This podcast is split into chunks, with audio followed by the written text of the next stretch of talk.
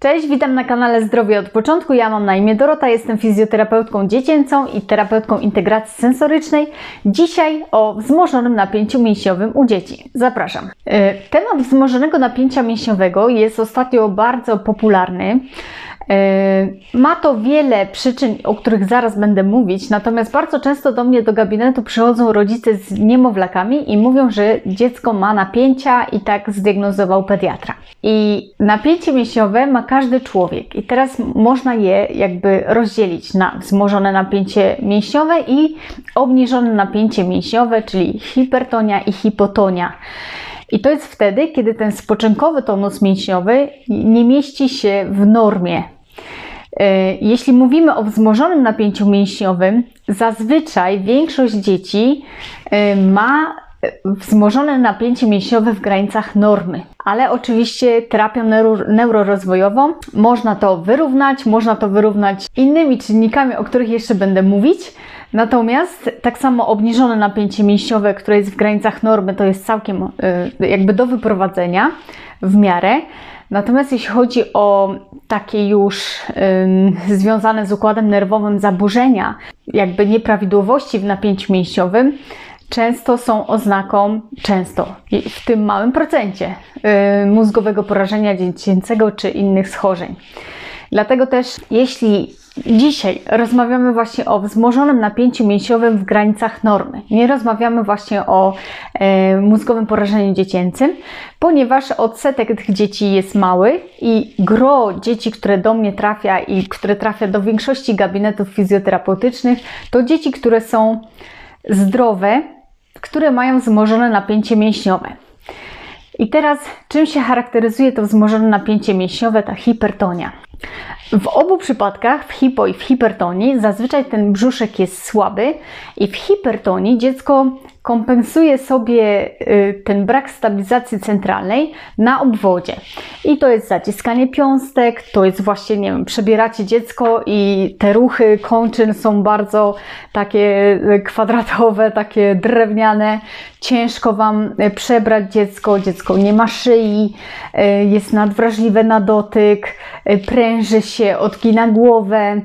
E, nóżki czasem też właśnie są wyprostowane, chociaż niekoniecznie, to jak są cały czas wyprostowane, to już jest e, objaw taki e, niepokojący. Natomiast bardzo często, kiedy dziecko się napina, rodzice przyjmują pozycje, które są według nich takie najbardziej odpowiednie dla dziecka i bywa, że niestety idą w tą stronę pogłębiania tego jakby wzmożonego napięcia mięśniowego i dziecko zamiast z tego wychodzić, to idzie jeszcze bardziej i później dopiero jak problem się nawarstwia, to trafia do fizjoterapeuty bądź znowu do pediatry i e, gdzieś tam ta droga się zaczyna.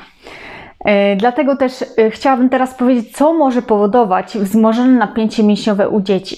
E, jest tych powodów dużo więcej w publikacjach niż właśnie odnośnie hipotonii, czyli obniżonego napięcia mięśniowego. I teraz, skąd bierze się wzmożone napięcie mięśniowe u dzieci? W publikacjach znajdziemy, że może to być właśnie związane z nieprawidłowościami genetycznymi, może to być wynikiem zbyt dużego stresu w ciąży, leków w ciąży, mogą to być czynniki okołoporodowe, urazowe, metaboliczne. E, później mogą być czynniki związane z nieprawidłową pielęgnacją dziecka, czyli ten handling, baby handling jest nieprawidłowy. E, dziecko zbyt wcześnie przyjmuje pozycje wyprostne, pionowe. E, wyprostne pozycje wzmagają to wzmożone napięcie mięśniowe. Może to być też spowodowane z taką nieprawidłową opieką rodzicielską, stresowi rodzice, lękowi rodzice. Bardzo często ten stres rodziców przenosi się na dziecko, więc no tutaj tutaj bardzo, bardzo dziecko czuje stres, szczególnie mamy. Mogą to być zaburzenia sensoryczne, nadwrażliwość dotykowa, przedsionkowa, wzrokowa, yy, węchowa. Mogą to być zaburzenia pracy narządów wewnętrznych, kolki, wzdęcia, refluks, czy alergie pokarmowe i skórne, czyli związane właśnie z dyskomfortem. Yy, i to wszystko może powodować, że dziecko prezentuje takie zachowania typowe dla wzmożonego napięcia mięśniowego. Natomiast może też być odwrotnie, jeśli chodzi, bo bardzo często jest tak, że e, te problemy brzuszkowe powodują to napinanie się.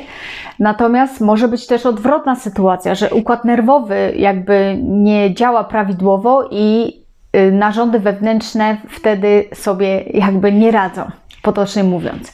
I co robić, kiedy dziecko ma wzmożone napięcie mięśniowe, czyli tak jak wcześniej powiedziałam, e, napina się, nie ma szyi, odgina się do tyłu, pręży, e, prostuje nóżki, macie wrażenie, że bardzo ciężko utrzymać dziecko na rękach. Czyli w zasadzie, tak jak e, prawidłowa jest pozycja trzymania dziecka, niemowlęcia, to macie wrażenie, że tak prostuje nogi, że aż się wypycha Wam do góry i stojąc, jak popatrzycie w lustro, dziecko wtedy jest takie tu odgięte, czyli nie jest takie zaokrąglone fajnie, tylko jest właśnie odgięte do tyłu. I wtedy co robić z takim dzieciaczkiem? Ważne jest, żeby e, pilnować, żeby nie było tych pozycji wyprostnych. Czyli nosimy w nie wiem, czy je widać. Nosimy w ten sposób. Jeśli dziecko ma już dobrą kontrolę głowy, to nosimy na krzesełko. No i po, konieczne jest prawidłowe podnoszenie, odkładanie. Tak samo pozycja do odbicia. Kiedy właśnie dajecie dziecko do odbicia, to dziecko musi mieć rączki przerzucone przez wasz bark i nóżki tutaj zgięte. I wtedy nie dotykamy głowy, tylko dotykamy tutaj z boku bark. Dziecko sobie spokojnie z tą głową poradzi, ale musi być właśnie przerzucone. Bo jeśli będziemy trzymać dziecko w ten sposób i jeszcze trzymając za głowę, możemy spowodować, że to znaczy zawsze jest tak, że dziecko wtedy y, tą głową pcha w naszą rękę, powodując, że są te zachowania wyprostne. E, więc dziecko położone na brzuszku, nawet w szóstym miesiącu, e, nie ma tej stabilizacji w podporze, odgina się bardzo wysoko, podnosi głowę, nawet widać takie zmarszczki na pleckach. Już to robią też młodsze dzieci. Więc im więcej będzie takich pozycji podczas noszenia, kiedy my mamy tą kontrolę nad dzieckiem, to po prostu będziemy to pogłębiać. Fajną pozycją jest też przejście z tej pozycji do trzymania na gitarę.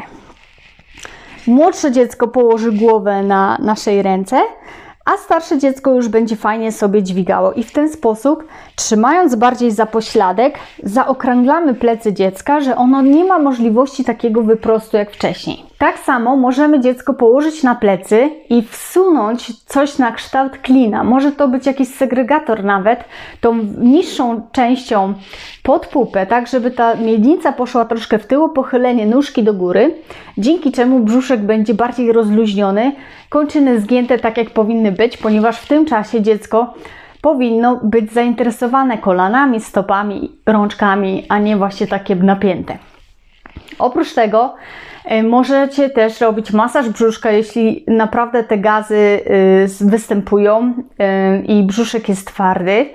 Można wtedy w leżeniu na pleckach objąć brzuch dziecka, złapać tak dość stanowczo i przesuwać na prawo, na lewo ten brzuszek i później według wskazówek zegara. Natomiast potem możemy robić taki masaż, że schodzimy od pępka Czyli z lewej strony schodzimy w prawo w dół, a z prawej strony w lewo w dół.